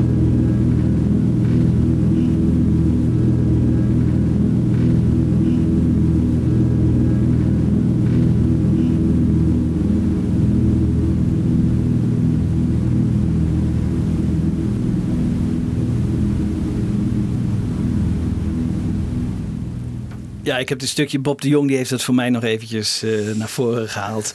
Eh, maar het moet Ringo zijn geweest. Overigens, Ringo zegt hier weer dat Mel helemaal niet meespeelt. Maar we weten inmiddels wel dat Mel... Hè, dat is toch wel grappig, hè? Want dit is natuurlijk jaren later opgenomen in een radioprogramma van? Ringo. Wat? De multi-instrumentalist. Ringo. ja, ja. En waarom moet, het nou, waarom moet het Ringo zijn geweest? Omdat het zijn takes had, eh, zeg maar. Nou, nee, want Paul heeft heel boos naar Ringo gekeken. Hè? Van, oh, wat doe je met die... Hè? Waar- waar- want hij bewoog wat of zo. Dus we weten van de overlevering dat het Ringo is geweest. Ja, dat is ook wel sneu eigenlijk. Maar goed. ehm, Ik zie het probleem niet. Waarom zou je dat niet even overnieuw doen dan? Als dat zo belangrijk is. Eh, ja, maar eh, het was al heel vaak misgegaan. Want het, het probleem was, eh, we laten ze hier wel even los horen, maar ze moesten tegelijkertijd dat akkoord aanslaan. En dat ging iedere keer mis. En er, er was er maar één, er was één, daar ging het redelijk goed, maar die, eh, toen was geloof ik vergeten het pedaal in te drukken of zo bij een van de piano's. Dus ze moesten het nog een keer doen. En net toen die helemaal goed was, hè, toen ging op het eind dat kraakje. Nou, toen zeiden ze laat maar doorgaan. Dus eh, eh, we gaan niet nog een keer het proberen. Maar, Klinkt als Ringo. Het klinkt als Ringo. Maar het was toch ook zo dat op het eind om nog zoveel mogelijk geluid eh, te krijgen, hebben, heeft, Heeft de Jeff Faders- Emmerich de Faders helemaal op, ja, ja, hij begint al wat lager en dan gaat hij langzaam steeds hoger. Totdat werd, wordt, werd er gezegd zelfs de airconditioning van Studio 2 te horen was. Maar dat, dat weet ik niet. Maar eh, op de cd gaat hij ook nog langer door dan op de plaat. Ja. En eh, er is nog een toon bij, want George Martin speelt het harmonium. Nou ja, dat, dat, en dat was voor hem heel moeilijk. Want met een harmonium schijn je eh, lucht te moeten... eh, ja, je, je, je, je schijnt je voet heen en weer te moeten bewegen om daar lucht in te krijgen Ja, of zo. Nou, en dat kan bijna niet zonder eh, extra geluid. Dus eh, hij, hij eh, zorgde eh, in ieder geval voor een prachtig extra harmoniumgeluid. Laten we maar even horen.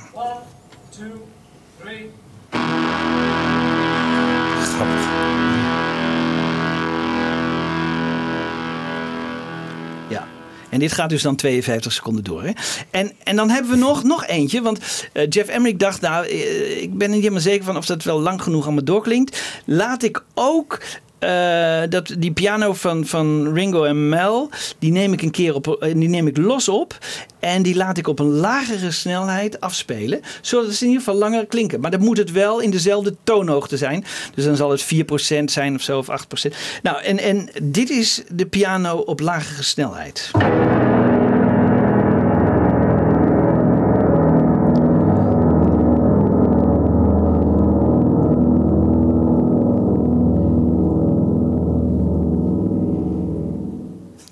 En dat allemaal bij elkaar leidt tot het volgende resultaat.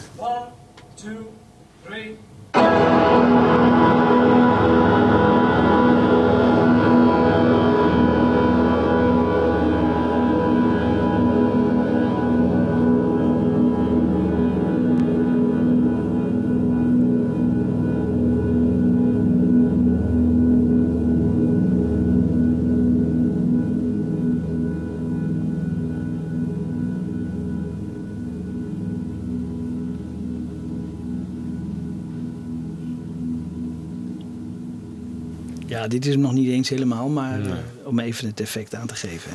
En je hoort nu ook het harmonium erdoor, hè? want het is wel grappig als je erop gaat letten, dan, eh, dan hoor je. Nou ja, dus die wordt er nog bij aangezet hè, in de mix, in de monomix, in de, in de stereomix. Wordt er allemaal, eh, dan hebben ze dus echt een, iconisch nummer. Maar en het grappige is, hè, dan eh, hebben ze ontzettend veel moeite gedaan voor die mixen. Want dat, dat, dat kost het meeste werk eigenlijk. Maar dit was ook een nummer waar ze heel veel aandacht aan hebben besteed. En iedereen begreep ogenblikkelijk dat dit natuurlijk het nummer was eigenlijk van, eh van Sgt. Pepper. Eh, iedereen die het hoorde was zwaar onder de indruk. Maar McCartney was niet tevreden. Eh, Het nummer was al lang gemixt en het zat al helemaal in de volgorde. Dus hij, en vlak voordat hij op vakantie ging, dan zijn we al veel verder in Sgt. Pepper. En dan, eh, dan komt hij toch nog een keer terug. En dan eh, is hij niet tevreden met het begin. En dan gaat hij nog een keer eh, op de, de Miss Mills piano. Dat is een beetje piano, een beetje honky-tonk-achtige. Beetje, hè, wat, eh. Die niet helemaal zuiver klinkt, maar die, die wel heel effectief is. Gaat hij eh, nog wat toevoegen. En hij denkt van dat begin, dat kan beter. Laten we even horen hoe het origineel klinkt en hoe hij het gedacht had. three,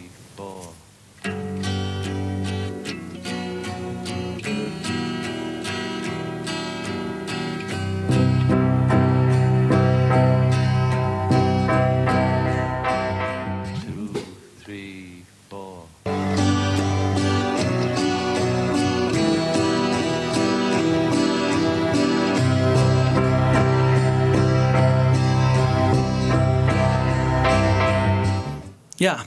Maar dat heeft hij weer geschrapt. Dat heeft hij weer geschrapt. Ja, uiteindelijk Ja. Heeft hij, was hij er niet eh, terecht. Ja, ja zeker. Ja, Ja, ja. Ja.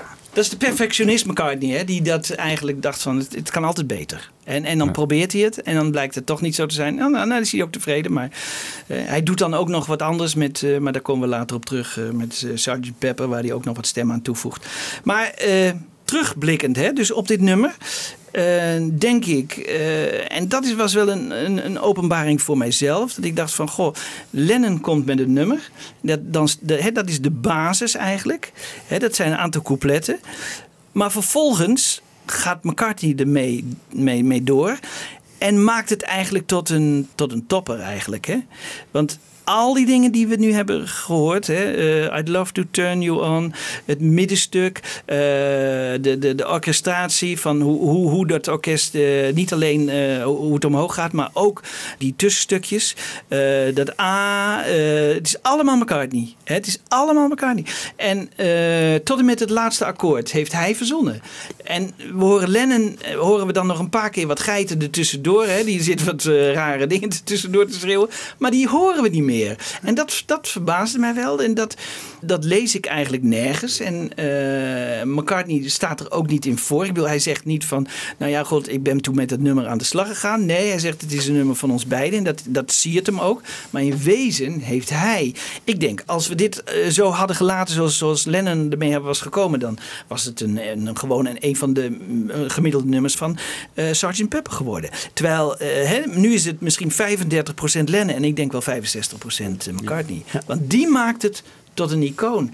En, en hij is ook degene die gedreven is en die wil en die, ja, die, die nieuwe ideeën heeft. En, en dat allemaal hierin eh, weet in te brengen. En dat vind ik ongelooflijk knap. Eh, George Harrison zijn rol is totaal uitgespeeld hier. Die speelt geen enkele rol meer. Eh, de drums van Ringo zijn ook... doordat McCartney hem weet op te zwepen... en te zeggen van je kan dat en, en je doet dat gewoon hartstikke goed... en je moet... eh, en, en, en door die 4% sneller... En, en nou, wordt het een geweldige drumtrack. Dus Ringo die wordt tot grote hoogte. Lennon... ehm, die, die zingt eh, I'd Love to Turn You On, een zinnetje van McCartney, maar doet hij ook weer geweldig. Met dat, dat. Dus hij weet iedereen wel tot, tot, tot geweldige prestaties te krijgen. Ja. En ook George Martin, die, eh, ja. Want eh, McCartney is wel eens boos als na afloop, hè, als die hele LP wordt uitgebracht. En, en George Martin krijgt dus heel veel credits. Want eh, ja, heel veel mensen denken van, goh, die George Martin, bijvoorbeeld een Day in Live, heeft hij toch maar geweldig gedaan, hè? Met dat orkest en dingen. En dan wordt McCartney dus wel boos. Die zegt van, ja, ho, ho, eh, hij heeft gedaan wat wij wilden. En nu zien we ook dat dat zo is, hè? Want Ja. hierbij eh, eh, op een gegeven moment, mm, eh, Martin dirigeert het orkest de eerste twee of drie keer. Maar dan neemt McCartney het ook over. Hè? Dan gaat hij er zelf voor staan. Heeft geen enkele ervaring, maar die gaat wel voor dat orkest staan. En, en, en volgens Jeff Emmerich en anderen zeggen dat, dat, dat deed hij helemaal niet slecht. En dat deed hij heel goed. En hij wist waar hij mee bezig was en wat hij wilde bereiken. Ja. En dat heeft hij bereikt. En ja, in die zin ja, is het natuurlijk een nummer wat... wat maar die wat- hele wat- plaat is eigenlijk eh, doordrenkt met McCartney natuurlijk. Hè? Ja. Eh, George had er inderdaad geen zin in. John was te lui. Die Ja. eh, moest En echt... die komt onge- maar die komt af en toe wel met hele bijzondere dingen hoor. Maar, Maar Mr. Kite en Good Morning, Good Morning Ja. bijvoorbeeld zijn nou niet de sterkste nummers die je van Lennon eh, nee, kent. Die- nee dat, is, dat is waar. Dat Ja, is waar. Dus McCartney was hier echt eh, on high. Ja, die hele ja, plaat. we zullen dat verderop ook nog horen. Dat McCartney zelfs bij Lennon-nummers de leiding neemt. Hè, en vertelt aan Lennon hoe die moet zingen en dat soort dingen. Dus dat zien we heel sterk. En dat is natuurlijk interessant hierbij. Dit zou je bijna een McCartney-productie kunnen noemen. Ja, wat dat betreft is dat wel bijzonder. Want als je het over Day in the Life hebt. eh, ik ben dan iets meer McCartney dan Lennon over het algemeen. En dan vragen mensen mij wel eens van... wat is je favoriete Beatle-nummer? Ja. zeg ik altijd A Day in the Life. Ja, ja. Oh, dat is een Lennon-nummer. Ja, dat is het eh, niet helemaal Ja, toch? zo. Dat Ja. is dus niet helemaal zo. Nee. Nee. Nee. Nee, Want dat- alleen maar dat dat- kleine dat- tussenstukje hoor je McCartney zingen. Ja. Dan denkt iedereen van, oh, dat, dat is het enige stukje van McCartney. Verder is het allemaal Lennon. Ja, ja. Dat vond ik ja. zelf wel mooi van het eerste interviewfragment wat je van John Lennon liet horen. Dat hij zegt van nou ja, eh, vaak was het zo dat ik een bijvoorbeeld mooi begin maakte. En dan zat ik, kwam, liep ik ergens vast en dan kwam Paul binnen, weet je wel. Ja. Dus dat Ja. vind ik toch ook weer een beetje een soort correctie van het algemene denkbeeld dat we hebben van eh, ze schreven alles apart eh, vanaf eh 465 of zo. Dat is toch ook een beeld wat vrij hardnekkig is. en dat, dat is ook maar zeer gedeeltelijk juist. Dus, Ja. Dat is waar. Ja, Dat is ik, waar. ik denk trouwens met die hele opzomming die jij net geeft inderdaad, dat eh, Ringo's eh, drumtrack, ik vraag me zelfs af of het niet alleen een opzweep is geweest, maar zelfs misschien wel, wat McCartney natuurlijk later veel vaker heeft gedaan, wat bijvoorbeeld Harrison echt, echt heeft eh, kwalijk genomen, van joh, I play whatever you want me to play. Misschien is dat toen wel gewoon gebeurd. Joh, Ringo, doe het even een keertje voor, dit moet je doen.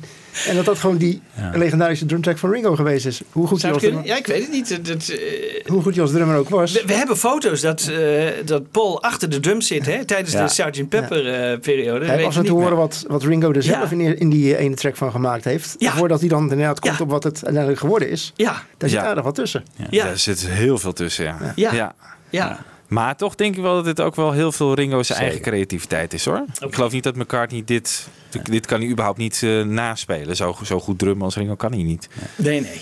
Maar ik ja. vond het wel grappig dat wat, wat je onthouden hebt van die Sgt. Pepper documentaire ooit. Is dat Phil Collins dan zegt van very complicated drum fills of zoiets. Ja. En inderdaad, eh, ze klinken heel gecompliceerd, maar als je het iets versnelt, dan klinkt het opeens niet zo heel erg gecompliceerd of zo. Het wordt pas dat je het vertraagt, dan wordt het opeens heel lastig. eh, Ja. oh god, hoe ga je dat spelen? Ja, En, ja. eh, ja en, en het grappige is dat ik nu weer van Wibo hoor. Dat het eigenlijk als je het langzamer speelt, dat het moeilijker is dan, Ja. dan wanneer je het zo snel En dat vind ik dan ook wel grappig om te horen. Dat wist ik ook niet. En dat, eh, maar dat, dat, dat blijkt dan ook, eh, ja. Nou ja, om, om even die twee drumtracks met elkaar te vergelijken, daar sluiten we dan mee af nu. Hè. Hebben we take 6 en take 7 tegenover elkaar gezet. Dus in het ene hoor hoor je hoe het uiteindelijk geworden is. In het andere hoor hoor je hoe die eerste take was toen het nog niet zo goed ging. En dan hoor je dus die, die, die verschil in drums heel goed. Hè? Dus eh, wat het was en wat het uiteindelijk eh, is geworden. En ook eh, de, baspartij van Paul McCartney. En daar wil ik eigenlijk deze keer mee afsluiten. Oké, nou op naar eh, deel 3 toch? Eh, Eh, ja, of deel 4 zouden we eigenlijk deel kunnen vier. zeggen. Het is een beetje verwarrend allemaal. Nee, maar we gaan gewoon moedig voorwaarts in. het, en, en het zal niet iedere keer een aflevering worden over één hele song. Maar nee, hier, dit moest gewoon, want dit was een icoon. En gelukkig hadden we ook genoeg materiaal hiervan. En de volgende keer gaan we weer door met, ik denk, Sgt. Pepper. En nou ja, er komen nog eh, veel meer eh eh, leuke Daar moet je je nog even in verdiepen. Daar moet ik me nog even Ja. in verdiepen. Dat Ja. komt goed. Oké. Oké. We gaan eruit met eh, het drumwerk. Oké. I read the news today, oh boy, about a lucky man who made the grade. And though the news was rather sad, well, I just had to laugh. I saw the photograph. He blew his mind out in a car. He didn't notice that the lights had changed. A crowd of people stood and stared. Seen his face before. Nobody was really sure he was from the house before. I saw a film today, oh boy. The English army had just won the war. A crowd of people turned away. But I just had to look, having read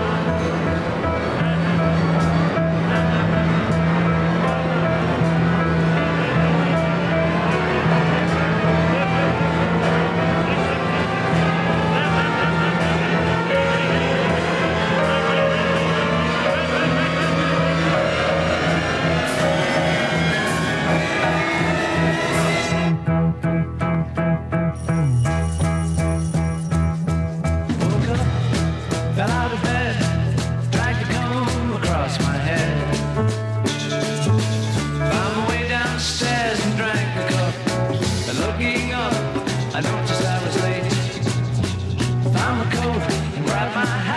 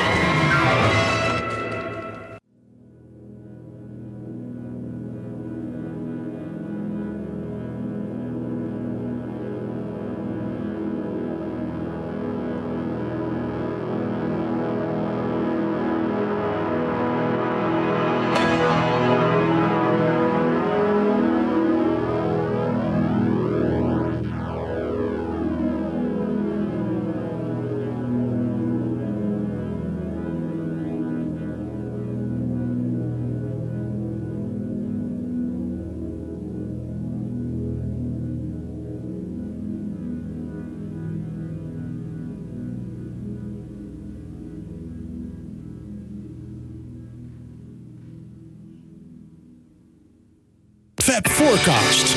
Luister ook naar Fab Forecast via beatlesfanclub.nl.